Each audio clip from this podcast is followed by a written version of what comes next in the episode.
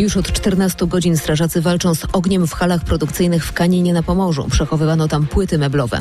Aleksander zniszczył na drugim miejscu po pierwszej serii skoków konkursu Pucharu Świata w Lachti. W faktach też radość kibiców z Zawiercia. Ich siatkarze zdobyli Puchar Polski.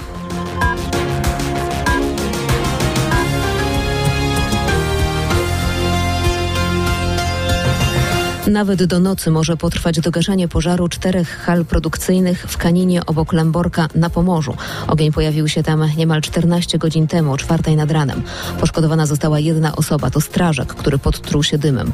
Najnowsze informacje na temat tego pożaru zebrał nasz reporter Michał Dobrołowicz. Michale, co dzieje się na miejscu?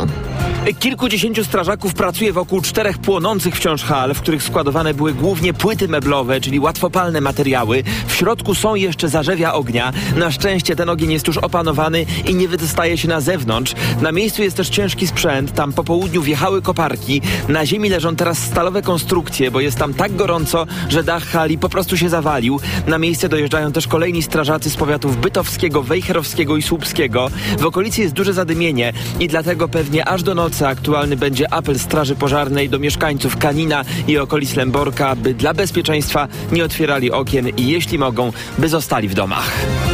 Sport w faktach RMFFM. Aleksander zniszczał po pierwszej serii konkursu Pucharu Świata w Lachti, zajmuje drugie miejsce. Prowadzi Austriak Jan Herl. Niestety zniszczał jest jednym, jedynym naszym reprezentantem w drugiej serii, a konkurs śledzi Wojciech Marczyk z redakcji sportowej RMFFM. Tak jest, witam, w pierwszej serii na skoki duży wpływ miały warunki. No niestety tak. Mocno wiało, skoczkowie długo czekali na swoje próby, na słabe warunki trafili Piotr Żyła i Kamil Stoch. Jednak jak tłumaczył nasz utytułowany reprezentant na antenie Eurosportu, to nie tylko warunki wpłynęły na jego słaby skok. Na tą chwilę nie jestem w stanie oddać dwóch takich samych skoków pod rząd. To są e, po prostu takie, no rozchwiane jest to wszystko. Nie, nie wiem dlaczego tutaj tak jest. W Oberstdorfie to, to działało. Tutaj nie działało. Mówił Kamil Stoch. Po pierwszej serii odpadli też Wąsek i Kot. Mocno liczymy na to, że miejsce na podium zachowa Aleksander zniszczą. Łatwo to jednak nie będzie, bo różnice w czołówce są bardzo małe. Dalej wieje. Przed chwilą świetny skok, daleki. No też w bardzo dobrych warunkach oddał Japończyk Ryoyu Kobayashi, e, który aktualnie jest na prowadzeniu, a teraz rywalizację na skocznie rozpoczyna ostatnia dziesiątka tego konkursu, w tym także Aleksander zniszczał. A przypomnijmy, że jeszcze żaden nasz reprezentant nie stał w tym sezonie na podium konkursu Pucharu Świata. Siatkarze Aluron CMC Warty Zawiercie po raz pierwszy w historii klubu zdobyli Puchar Polski. Po emocjonującym finale w krakowskiej Tauron Arenie pokonali mistrza kraju Jastrzębski Węgiel 3-1. Po ostatniej piłce wśród kibiców jurajskich rycerzy zapanowała ogromna radość. Zwycięsko, no jak inaczej mogło być? Pewnie, że tak. Aż nie wiem co mówić, normalnie nie wiem co mówić. Jak wrażenia? Wrażenia bardzo fajne, bardzo dobry mecz i oczywiście wygrany dla Zawiercia. Bardzo, bardzo się cieszymy, zresztą widać to dość mocno po, po trybunie i po klubie kibica. Łzy się bolały, więc super. Usłyszał od podekscytowanych kibiców z Zawiercia nasz dziennikarz Paweł Konieczny. Dziś Światowy Dzień Słuchu. W Polsce mamy dość dobrą sytuację, jeśli chodzi o profilaktykę i leczenie słuchu. Wiele zmienił ogólnopolski program badania słuchu noworodków tuż po urodzeniu.